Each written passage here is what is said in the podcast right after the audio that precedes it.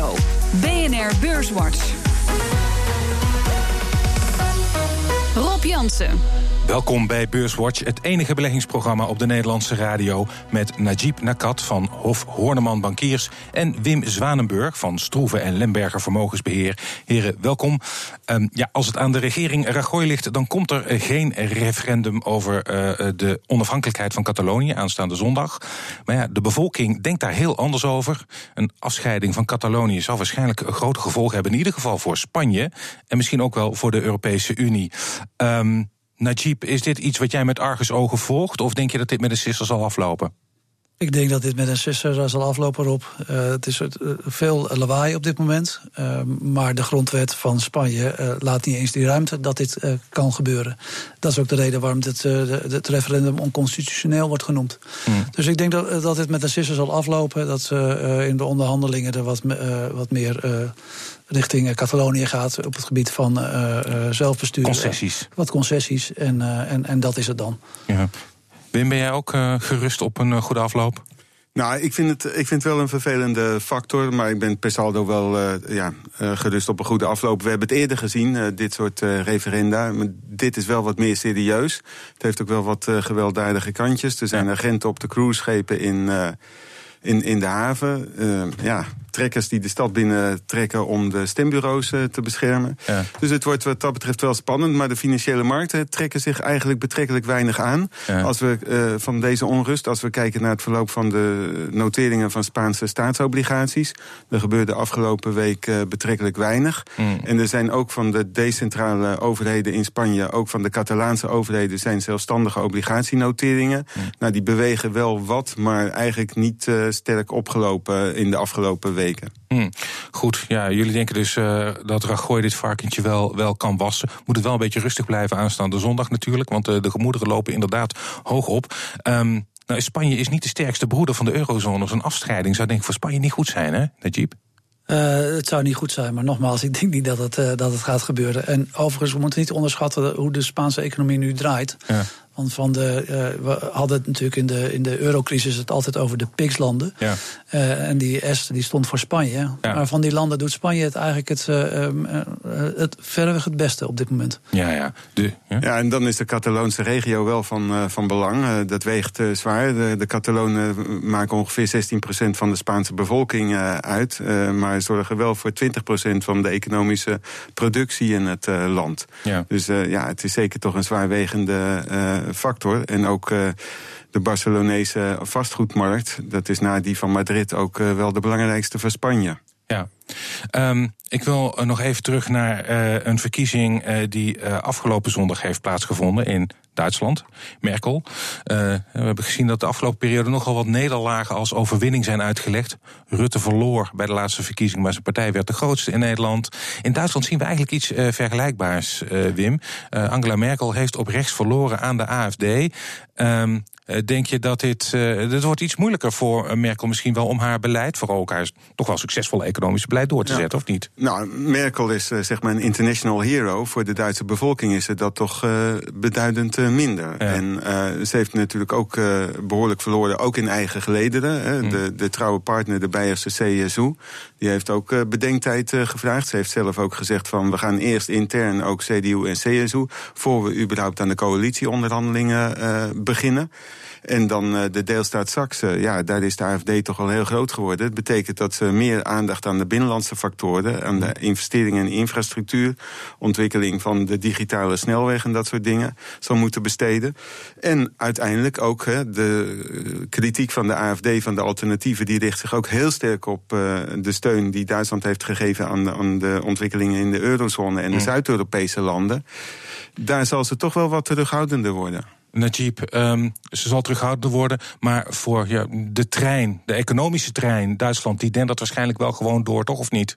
De, die, die denkt het gewoon door. Het, ja. uh, de Europese economie in, uh, in zijn geheel uh, denkt het op dit moment behoorlijk door. Hm. En de consequenties van deze verkiezingsuitslag die zijn op de middellange termijn zelfs ja, marginaal te noemen. Ja, toch wel. Je zal misschien een iets hardere opstelling zien van Merkel, bijvoorbeeld in de Brexit-onderhandelingen. Hm. Maar daar stond ze al heel stevig in. Hm. ook voor de euro-dollar zal het eigenlijk amper wat, wat doen. Misschien op het sentiment, maar daar houdt het wel mee op, denk ik. Daar zag je wel twee, drie dagen toch effect. Hè? Dit werd niet als een steun in de rug van de, van de euro opgevat. Nou ja, die was de voorgaande maand toch wel heel sterk ook gestegen. Uh, zodanig dat dat ook wel weer de exportpositie van Europese bedrijven in de eurozone zou kunnen schaden. Dat zien we ook al terug in enkele vooraankondigingen. En daarom kwam eh, de euro ja, iets onder druk afgelopen week. Of de dollar werd sterker. Uh, dat is natuurlijk ook uh, een communicerend vat wat dat betreft. Over die dollar gesproken en die bewegingen daarin. Trump is deze week met zijn lang verwachte belastingplan gekomen. Winstbelasting gaat van 35 naar 20 procent. Belastingschijven worden teruggebracht van 7 naar 3. het hoogste wordt 35 procent. Um, het zou in ieder geval beter uitpakken voor de middenklasse en de rijken. Um, Najib, zijn dit maatregelen waar jij op hoopte uh, van Trump? Als het gaat om belastingmaatregelen? Nou, de, de, de markt uh, heeft hier ook op ingezet, zeg maar, vanaf mm. het moment dat hij verkozen werd. En dat is langzaam naar de achtergrond verdwenen. Ja. Maar op zichzelf een verlaging van de, van de belastingtarief voor, de, voor bedrijven. om het meer in lijn te brengen met het, zeg maar, het internationale belastingtarief. dat zou wel welkom zijn. Mm. alleen de vraag is, hoe betaalt hij ervoor? Ja. kijk, als hij er niet voor betaalt en er gewoon voor leent. Uh, dan gooit hij natuurlijk extra stimulans de economie in, die het op dit moment niet nodig heeft. Ja. En voor de rest is er, hè, wat je net noemde, dat, dat is ook een beetje het plan. Voor de rest zijn echte details van implementatie. En dat is op dit moment wel bekend van, van Trump en van de Republikeinse ja, de devil is in de detail. De devil is in de detail. En daar hebben we eigenlijk nog uh, verder helemaal niets van gezien. Nee, ja, dus- hij was zelf heel enthousiast. Want hij zei, ja, die plannen van mij die gaan uh, eh, 4% economische groei opleveren. En nou heeft Goldman Sachs, waar hij toch uh, redelijke banden mee heeft... want er zitten nogal wat Goldman Sachs mensen in zijn regering... die komt uit op een impuls van 0,2%. Dus ja, veel. veel. meer is het niet. We zien eigenlijk al sinds het aantreden van uh, de Trump-administration dat uh, ramingen voor de Amerikaanse economie nauwelijks omhoog zijn te krijgen. We zagen wel afgelopen week een sterk tweede kwartaalrapport, maar dat was een beetje correctie op het zwakke eerste kwartaal, het winter-lente-effect. Hm. Um, die belastinghervorming wordt echt nog een heel ingewikkelde zaak. Want je noemt zelf ook net al vereenvoudiging. Dat is dus het uh, vermindering van het aantal schijven. Maar wat ze ook willen is een aantal aftrekposten uh, schrappen. Nou, en dan komen in het Amerikaanse belastingstelsel de belangen van de staten in het geding. Want het gaat niet alleen over de federale overheden, maar ook over de staten. Hm. Nou, dat betekent dat de senatoren uh, ook hun uh, belangen hebben. En dan is op dat punt de Republikeinse Partij extreem verdeeld.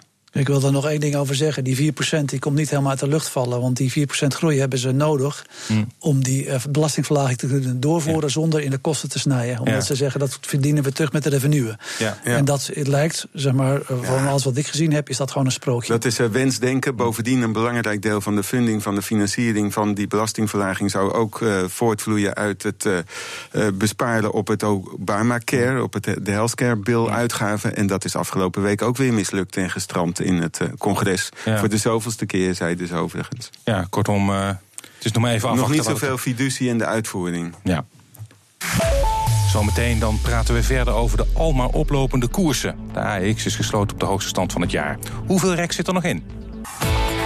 BNR Nieuwsradio. BNR Beurswatch. In Amerika worden records gebroken en ook op het Damrak uh, wordt de stemming allengs beter. Of dat zo blijft, vraag ik aan Najib Nakat van Hof Horneman Bankiers en Wim Zwanenburg van Stroeven en Lemberger Vermogensbeheer. Maar eerst maken we de balans op van de afgelopen week. De AEX die sloot op 537,1 punten en dat is 1,7 procent hoger dan vorige week. Stijgers. Op weekbasis de drie aandelen die het sterkst stegen in de AEX. Dat is ABN AMRO op 1 met een plus van 4 procent. Wolters Kluwer kreeg er 3,8% bij deze week. En ASML 3,7% hoger. En het midcap aandeel dat het best presteerde deze week was Sligro Food Group... met een plus van maar liefst 7% Dalers. De drie grootste dalers in de AX op 1. Gemalto met een min van 4,2% Altis op nummer 2, een min van 3,7 procent. En Egon, uh, daarvan was het verlies beperkt tot 0,7 procent. Um, in de midcap was de grootste daler deze week BAM met een min van 1,8 procent. En de AX is deze week één dag lager gesloten, namelijk maandag. En de alle andere dagen hoger. Um, jongens, uh, als dit uh, zo doorgaat, ik weet niet waar het eindigt. Het, uh, het gaat maar omhoog. Ik krijg een beetje hoogtevrees als ik naar die alsmaar oplopende koersen kijk, Wim. Ja, er zijn een aantal beleggers en analisten, strategen die zich zorgen maken omtrent de waarderingen. Maar we zien wel dat die wat hoger dan gemiddelde waarderingen ondersteund worden door een hele stevige winstgroei. Er wordt veel gediscussieerd in economenkringen en onder de Amerikaanse professoren over de zogenaamde Shiller PE, ja. de zogenaamde cyclical adjusted, dus voor de cyclus gecorrigeerde koerswinstverhouding. Die geeft aan hoe duur aandelen eigenlijk zijn. Dan kijken ze tien jaar terug ja. en dan zit daar ook he, de winstcijfers van 2008, 2009 mm. nog in. Nou ja, toen zat de Amerikaanse economie en ook het bedrijfsleven in een depressie. Dus dan heb je een hele lage winstbasis. Dat betekent natuurlijk dat die verhouding dan heel hoog staat. Ja, maar maar ik denk dat je daar doorheen uh, moet kijken. De winstgroei die ligt toch voor veel regionale markten. En wereldwijd om en nabij de 10% of zelfs daarboven. Najib? Dus ik ben daar niet zo bezorgd over. Jij niet. En Najib, ik weet niet, Schiller, die jij nu uh, aanhaalt, de man van die Schiller-index, die is een paar weken terug geïnterviewd in zakenkrant De Tijd. Die is erg nerveus over de hoge stand van de aandelen, van vastgoed ook. En hij zei ook in dat interview precies, hij zei zelfs als die slechte jaren, 2008 en 2009, eruit worden gehaald, dan nog zal de Schiller-PE behoorlijk hoog blijven. Najib, hoe kijk jij aan tegen die hoge koersen? Hoe, hoe, hoe lang is dat, kunnen we dit volhouden? Um, ja, dat, dat is heel lastig te zeggen, want zo'n PI is geen, uh, geen middel om te kunnen timen. Nee. Die geeft gewoon. Uh, Daar heeft hij hem ook niet voor bedoeld. Daar heeft hij hem ook niet voor bedoeld. Nee. Geeft gewoon aan hoe de waarderingen zijn. Maar ook als je op andere manieren naar de waarderingen kijkt. Um, ja, het goede nieuws is de economie draait hartstikke goed. Eh, de, de rente is laag, de winstgroei is goed. Maar het, het zit meer dan in de koersen verdisconteerd, denken ja. wij. Maar ja, ik denk dat, maar het is dus. Maar ben, je het eens met Wim? Ben je het eens met Wim dat uh, de winstgroei, want het is alleen uh, natuurlijk houdbaar, of die Schiller PE die zal naar beneden komen als de winsten enorm gaan stijgen. Zit daar nog veel rek in, denk jij, Najib? Ik denk het niet.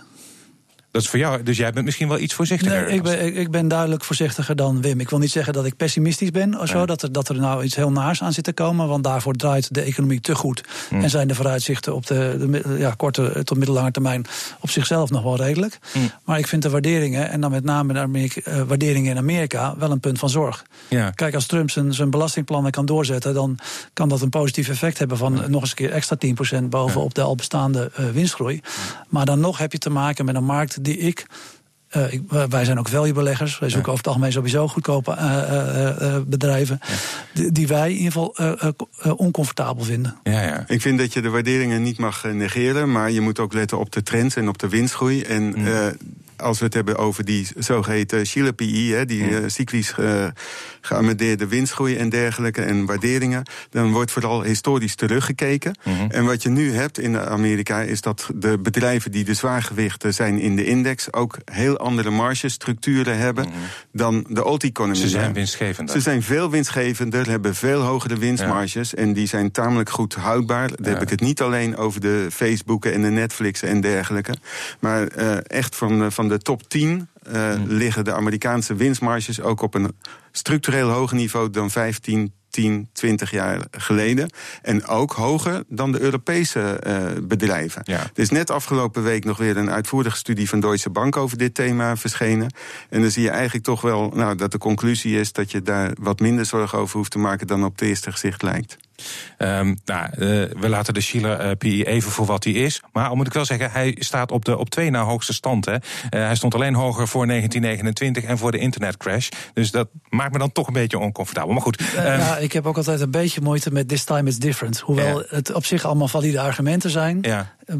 Dat ongemakkelijke gevoel blijft. Ja, Als timingsindicator heeft die Schiller PE toch echt een hele slechte. Ja, dat zegt hij ook. Die onevenwichtigheden kunnen lang aanhouden. Ja, dus dat... onevenwichtigheden. Ik denk dat je op de structuur moet letten. Er zijn echt al duidelijke structuurveranderingen in de economie.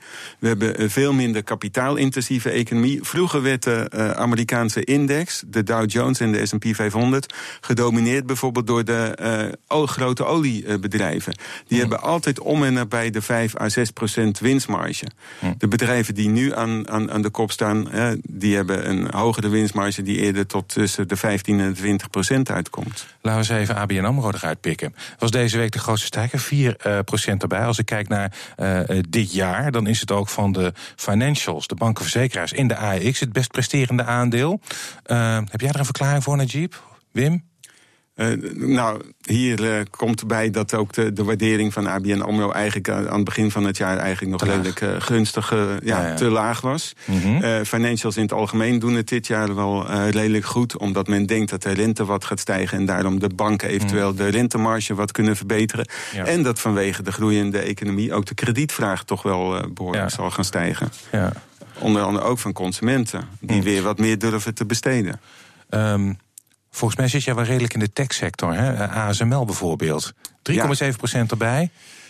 ASML, ik van de grotere. ASML, daar heb ik voor de hele lange termijn zeker vertrouwen in. Ik vind hem langzamerhand eerlijk gezegd toch wel aan, uh, aan, aan de dure kant. Maar juist deze week, hè, ik heb de vorige uitzending een tip gegeven... Micron Technology kwam afgelopen dinsdag met kwartaalcijfers... die weer opnieuw beter waren dan verwacht. In die chipsector zien we nieuwe drivers als virtual, augmented reality... artificial intelligence en bijvoorbeeld in de automotive sector... Hè, er worden steeds meer sensoren en chips uh, gebruikt...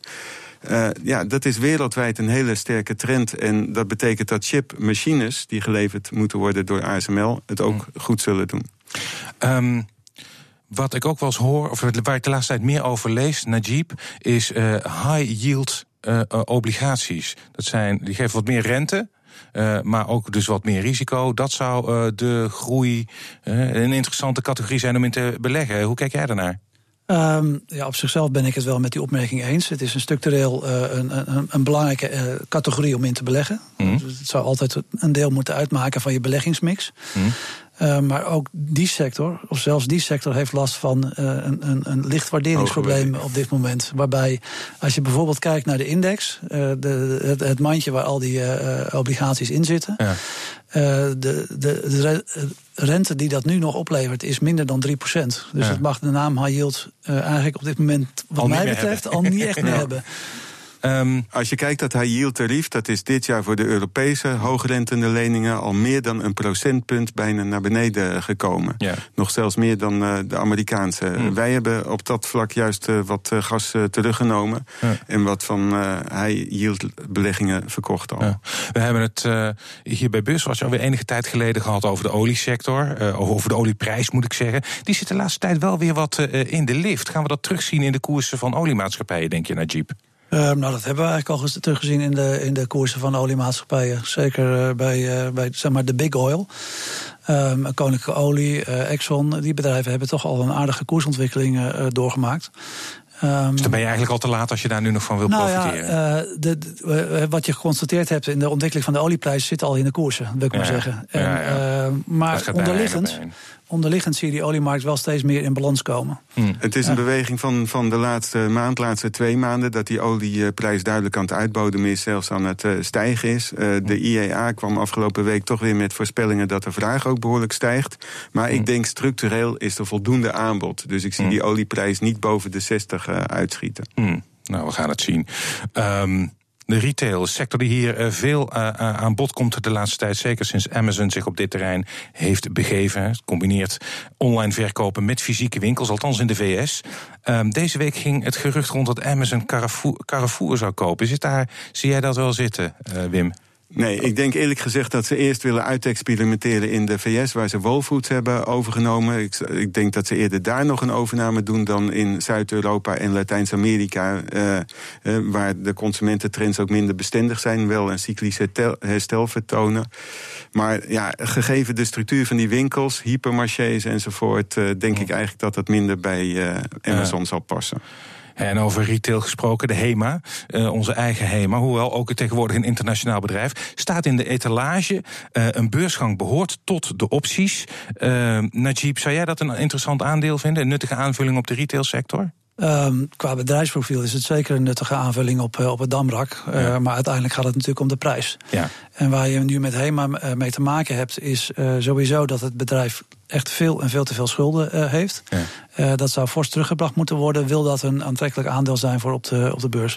En ik moet ook zeggen dat in het verleden de huidige eigenaar, Lion Capital, zichzelf wel overvraagd heeft met, met de HEMA. En de vraag is of ze nu niet. Ik denk dat ze nog eigenlijk een jaar te vroeg zijn hier, hiermee. Nou, we gaan het, uh, we gaan het zien. Um, we zijn alweer bijna aan het einde uh, van de uitzending. En tot slot vraag ik altijd een tip uh, van mijn gasten voor de luisteraar. Um, Wim, wat zou jij de luisteraar adviseren? Beleggingstip, mag alles zijn. Aandeel, obligatie, vastgoed. Ja. Nou, in dit geval heb ik een, eh, een ETF, een index eh, trekken, maar wel eentje met een thema. Uh, Rovio Entertainment is naar de beurs gegaan. Hè. Dat is de maker ja. van uh, spelletjes uh, Angry Finland, Bird. Dat is in Finland. Ik vind dat aandeel echt veel te speculatief. Mm -hmm. Maar de sector, gaming en virtual reality, augmented reality... daar zit enorm veel perspectief in de komende jaren. Mm. En dan kan je beleggen in een Amerikaanse ETF, een index trekken... die, die companies, ook bijvoorbeeld Activision Blizzard... wat een veel grotere uh, spelletjes maken is met series als Call of Duty. En dan moet je kijken naar de ticker Gamer. G-A-M-R. En dan mhm. heb je ook wel een thematisch, maar breder gespreide portefeuille. Games, Najib, waar zit jij op in? Um, nou ja, zoals ik al eerder opmerkte, ben ik nogal voorzichtig uh, uh, op dit moment uh, op de markten. Ja. En heb ik eigenlijk een, een, een, vrij saaie tip. En dat is, mensen moeten toch eens even naar Unibail Rodamco kijken.